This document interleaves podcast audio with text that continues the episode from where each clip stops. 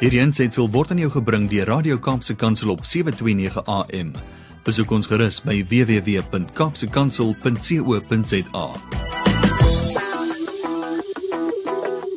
Baie welkom by ons program Markplek Ambassadeurs. Ek is Harm Engelbrecht en ek is van CBMC Suid-Afrika en ons het uh, die geleentheid hier op Radio Kaapse Kansel om met julle te gesels elke week oor 'n uh, 'n paar onderwerpe, maar ook om te gesels met uh, spesifiek ook mense uit die markplek uit, ehm um, ambassadeurs vir Christus, ook mense wat vir ons help om hierdie ehm um, stryd wat ons stry elke dag, ehm um, om dit saam met ons te doen en wat ook ehm um, wil ek amper sê ehm um, skouer aan skouer of sy aan sy met ons die die pad loop um, om ook dit vir Christene in ons land ehm um, 'n bietjie makliker te maak.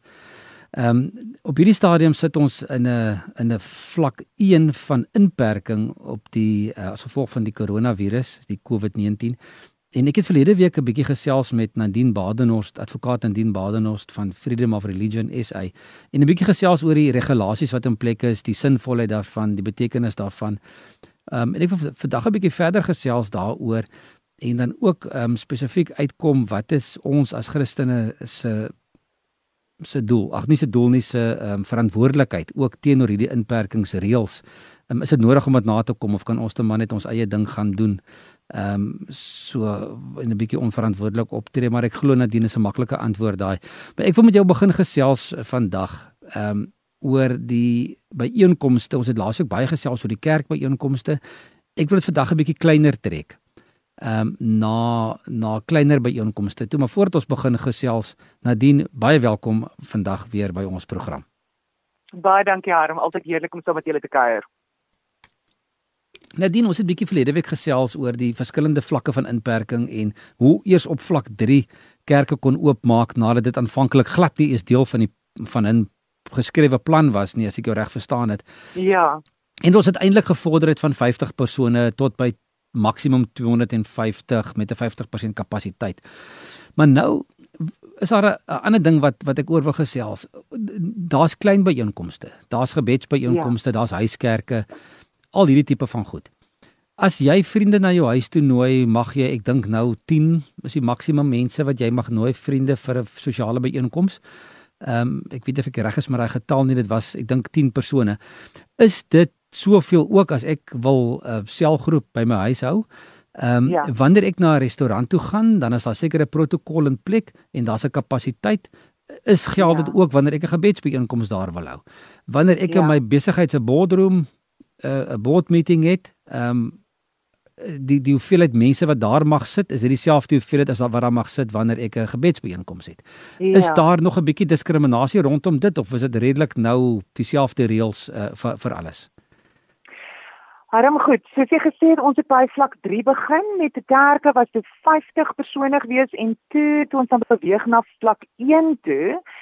Op daardie stadium het basies alle ehm um, beperkings wat daar was op alle tipe van byeenkomste is gelig.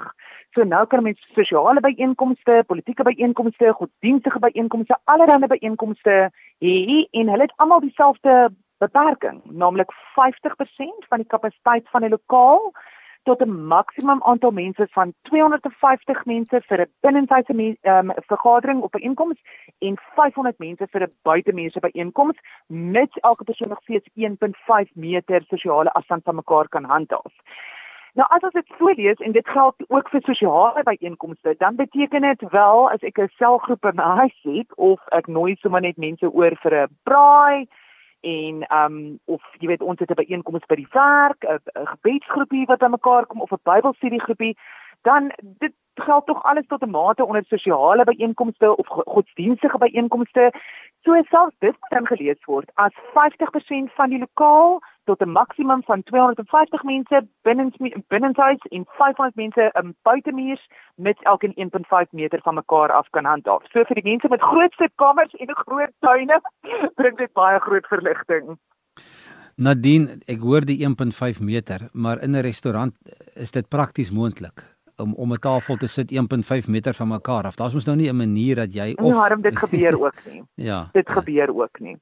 So wat ek miskien net ook wil noem is natuurlik aan um, wat nog steeds belangrik is, is die reëls wat geld in die algemeen vir alle byeenkomste. So eintlik streng gesproke geld dit ook vir sosiale byeenkomste of ehm um, selgroepe wat by huise in so aan plaasvind regstegnies. Ehm um, moet mense moet mense maskers dra. Ehm um, regstegnies moet hulle nog steeds hulle hande reinig as hulle by die plek inkom. Ehm um, regstegnies moet hulle nog steeds 1.5 meter van mekaar handhaaf. Maar nou ja, dit is natuurlik in die konteks van 'n huis is dit baie moeilik om hierdie tipe van goeders te monitor en of toe te pas. Ja, Nadine, ehm um, ons is nou op op vlak 1, ons het by 5 begin en bietjie gaande weg afgewerk. Ja. Uh, yes, hoe lank dink jy gaan ons nou nog onder hierdie inperkings moet bymekaar kom en en uh, dis die een kant en die ander ene is ehm um, wat van groter byeenkomste? 'n uh, ja. kerk of godsdienstige byeenkomste, sportbyeenkomste byvoorbeeld. Ek sien ja. die naweek was daar rugby gewees en daar mag 134 mense in die stadion gewees het. Waar mm. die getal vanaf kom en hoe hulle dit bepaal het, sal ek nou nie weet nie. Ja. Maar dit is buite lig en ek meen ek sou verwag het daar mag baie meer mense wees en nader ja. aan die nader aan die 1000 ehm um, of, ja. of van die 500 wat wat wat wat uh, goedgekeur behoorte geword het. Ja. Dit maak dit is net asof alles nie lekker sin maak nie. Kan jy vir ons bietjie meer sin gee op dit? o, ek dink dit kon. Ek dink dit was die probleem van die begin af, Harm, dat ehm um, dat baie van die regulasies wat uitgevaardig het, het dood eenvoudig um, nie 'n substantiëre rasionaal agter dit gehad nie. Dit het um, so baie van dit het dood eenvoudig irrasioneel met die een ding met die ander ding vergelyk of onbillik voorgekom en weer as ek wil teruggaan na op die eind van die dag is die toets vir al hierdie regulasies is die grondwetlike toets wat neergelê word en al hierdie regulasies om te regte inperk het sy dit ons regte is om te kan rondbeweeg het sy dit ons regte um, is as kerk om by mekaar te kom um, het sy dit ons regte is um, jy weet enige van ons ander grondwetlike regte wat ons het. Um moet enige inperking moet nommer 1 moet redelik wees. Nommer 2 moet dit regverdigbaar uh, regverdigbaar wees en nommer 3 een van die goeders wat ook in ag geneem word is dit moet proporsioneel wees. Met ander woorde die inperking moenie absoluut verder gaan as wat nodig is nie. En van die begin af, dit is natuurlik hoekom ons so baie hofsaake gesien het op verskeie van die regulasies, want mense het gevoel die regulasies wat uitgevaardig word slaag nie hierdie toets van redelikheid, regverdigbaarheid en ook proporsionaliteit nie.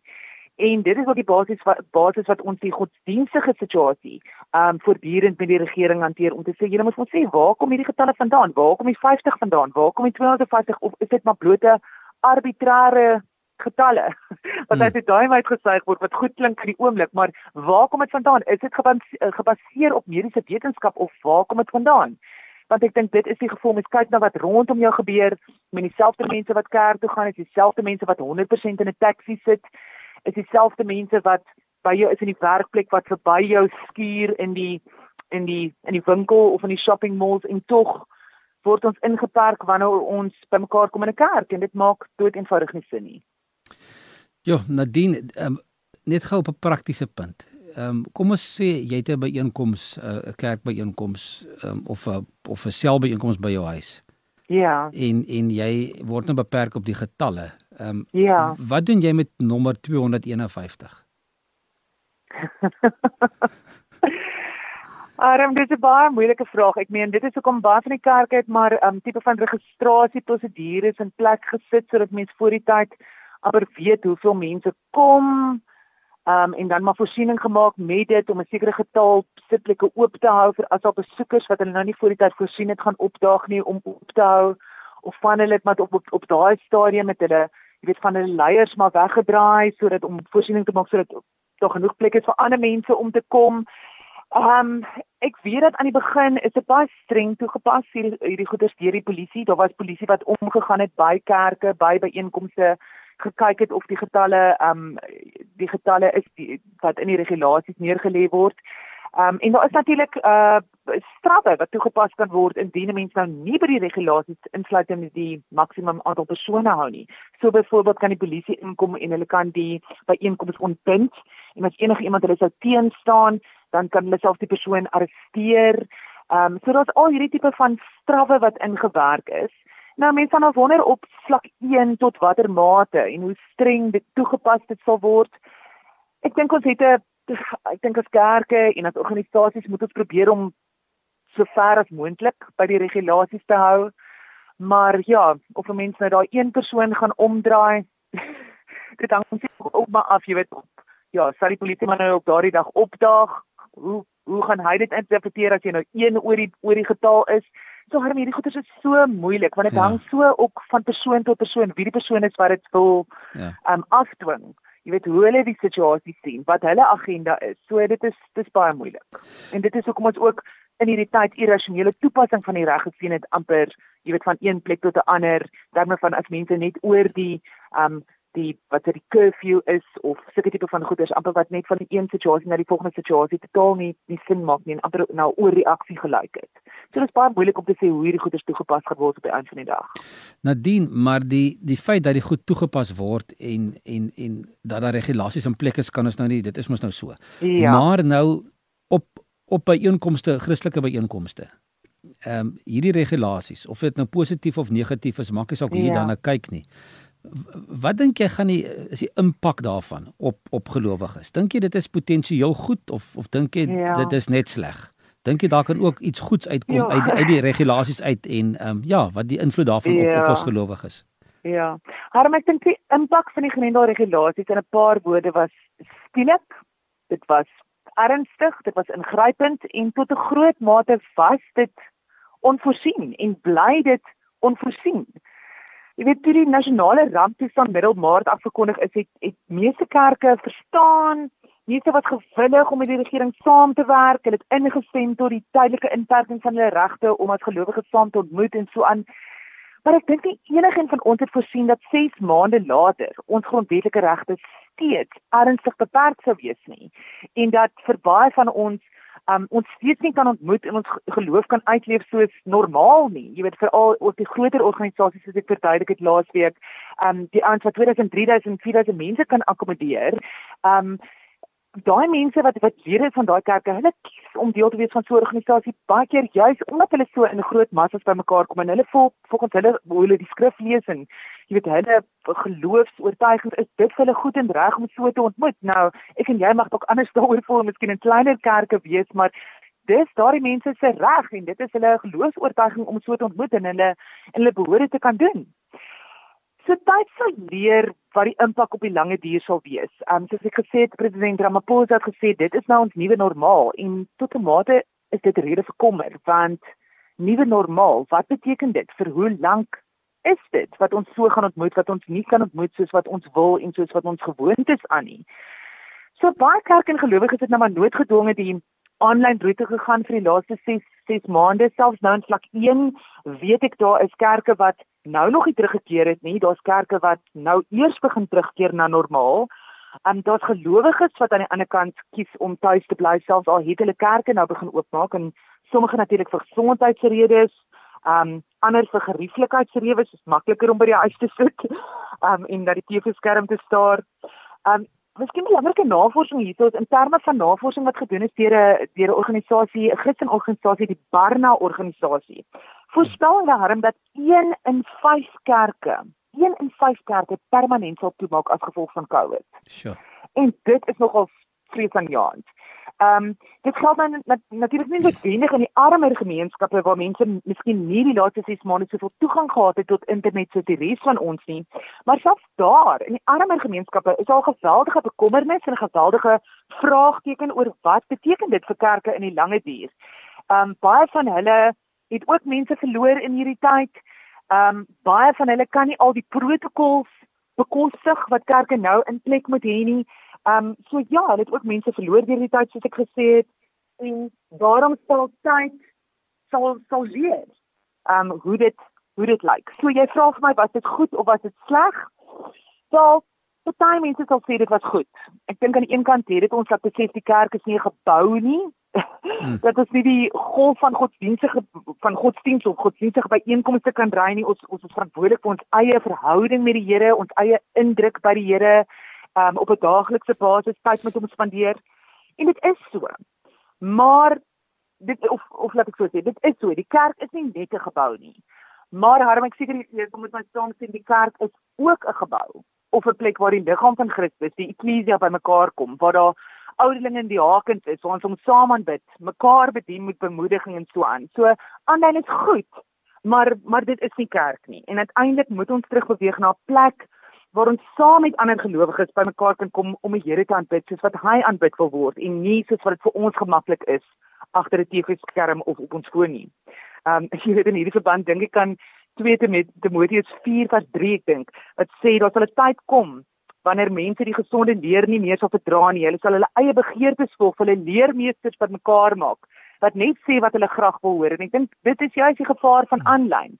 Jy weet as iemand as jy nie hou van wat jou eie dominee sê nie, ag jy druk sommer knoppie sit hom af en jy weet, maklik om te gaan na 'n ander kanaal toe wat iemand sê wat jy wat jy wil hoor hmm. of waar ons kan pick and choose as die Engelsman sê, die aspekte van 'n van 'n diens wat ons geniet. Miskien geniet ons die musiek, maar ons hou nie van die preek nie of andersom of wat en dis dis gevaarlik en dit is dit is nie gesond nie. Dit is nie dis gesond vir ons geestelike lewe nie. Nadine, ehm um, ek wil gou weer 'n ompaadjie vat. Ekskuus, ek ek ek derail jou nou almekaar. Maar maar terwyl jy praat, dink ek dink ek nou aan iets en die die manier en ek sê nie dit gebeur in ons land noodwendig uh, so nie maar dit maar ek dink die die die inperkingsreëls is redelik maar wêreldwyd min of meer in lyn met mekaar as ek as ek dit reg verstaan. Ja. Dink jy dat hierdie inperking spesifiek op godsdienstige byeenkomste en kerke kan 'n mens dit sien as 'n vervolging van die kerk van Christus? Harm, ek sou sê al is dit nie noodwendig die bedoeling nie, is daar geen twyfel dat ja, dat dit tog so ook uitspeel nie. As ons kyk na wat die impak daarvan was, wat die effek daarvan was. Ehm um, jy weet ek dink ja, mense mense kan verskillende uh, teologiese hoedens hier oordra. Party mense sal sê corona was goed vir die kerk, dit het struktuur kom breek, dit het programme kom breek, dit het die kerk kom kom skud. Jy weet party mense self sal self sê ehm um, ja, dit is omdat die Here se bedoeling is nie noodwendig vir die groot jy weet vir sulke groot kerke nie, maar kleiner kerke en daarom is dit jy weet self goed dat hmm ons nou nie sulke groot massas bymekaar kan kom nie. Ja, so ons kan miskien verskillende idees uit 'n uit 'n teologiese oogpunt hieroor hê, maar op die einde van die dag dink ek wat ons sien is maar 'n voorbereiding vir dit wat ons in die boek van Openbaring lees vir die vervolging wat gaan kom, veral in die ligte van soos wat ek gesê het, ehm um, daar steeds hierdie agenda in die agtergrond is van die regulering van godsdiens wat jy sou onthou ons het die laaste paar jaar baie oor gepraat het. Ja en hoe daar wêreldwyd maar ook in Suid-Afrika 'n dryf is om om godsdiens en kerk te reguleer. So hierdie ding het natuurlik maklik ook in die hand van so 'n agenda gespeel of kon speel. So ja, ek dink ons moet ook 'n bietjie terug staan en uit 'n uh, uit 'n Bybelse oogpunt hierna kyk en definitief sien hoe dit ook die agenda van vervolging um kon bevorder en ek glo bevorder het in hierdie tyd. Nadien dit dit lyn op mooi na ons volgende vraag toe wat ek gou met jou wil bespreek en en dit is wat moet ons as Christene se reaksie wees op al hierdie reëls al stem ons nou nie noodwendig daarmee saam nie. Ja. Want dit is so maklik om opstandig te raak en te kerm en te kla, soos met alles ja. maar in die lewe. Um, ja. maar ek dink die toets vir gelowiges is weet slegte goed gebeur met almal. Die vraag mm. is eintlik hoe reageer jy daarop? En en en dit ja. is wat ons onderskei van die wêreld, nê. Nee. Ja. So so hoe dink jy moet ons as Christene se reaksie wees al stem ja. ons nie saam met die al hierdie goeters nie? Ja.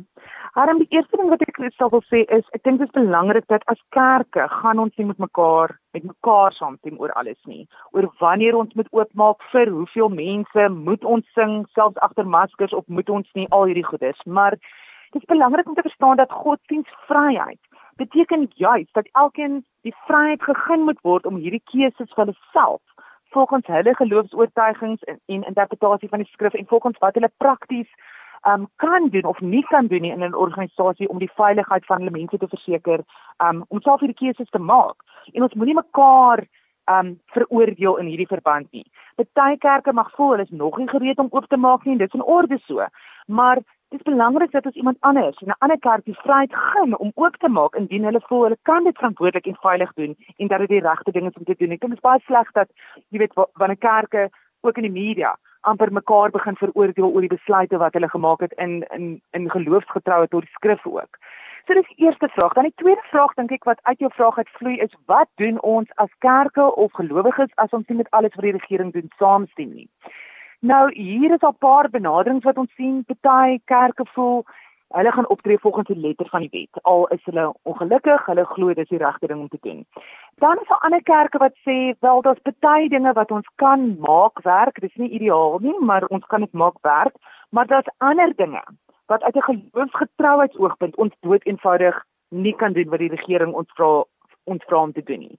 Byvoorbeeld as hulle vir ons sê ons mag nie doop nie of ons mag nie sing hoegenaamd nie, nie eers agter maskers nie. Vir ons is dit 'n sentrale gedeelte, sentrale pilaar van ons geloof en so daar moet ons die Bybel gehoorsaam eerder as die regering ons besef daar's 'n risiko maar dis 'n risiko wat ons bereid is om te loop. En dan dink ek op die ander ekstreem is daar kerke of organisasies wat dood eenvoudig op hierdie stadium voel in vlak 5 Um, ons het saamgewerk, maar nou kan ons ons nie langer laat teruggaan nie. Ons moet voortgaan om te doen um wat ons glo die Here ons geroep het om te doen en hoe hoe hy ons geroep het om dit te doen. En dit is dit sien ons ook die roete wat aan soos John MacArthur um in Amerika gevolg het. Um en en waar hulle dood eenvoudig sê baie van hierdie goederes wat nog steeds op ons geld op vlak 5 is onredelik, dis irrasioneel, dis onbillik. Besef daar's 'n risiko, maar ons sien dat die ouens in die Bybel ook vervolg is en hulle het gesê soos Petrus en Johannes in Handelinge, wel op die einde van die dag moet ons God gehoorsaam en nie die mens nie en ons is bereid of die regering nie ons is bereid om die gevolge van dit te dra. So harm op die einde van die dag dink ek dis iets elke kerk, iets wat elke gelowige in gebed en met groot wysheid moet oorweeg. En as ons nou soos ons nou reeds gesê het, ons moet besef hierdie is 'n voorbereiding vir wat kom. Dinge gaan moeiliker en moeiliker raak vir Christene vir die kerk. Um, ons lees dit in die Bybel.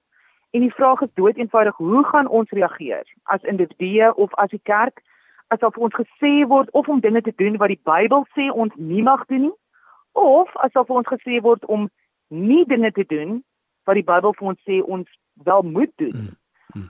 Gaan ons as Petrus en Johannes sê wel ons moet eer God gehoorsaam as die owerhede of wat gaan ons reaksie wees? Want daai toets is maar een wat ons vir ons elkeen vir onsself as kerke en as individue moet moet uitwerk.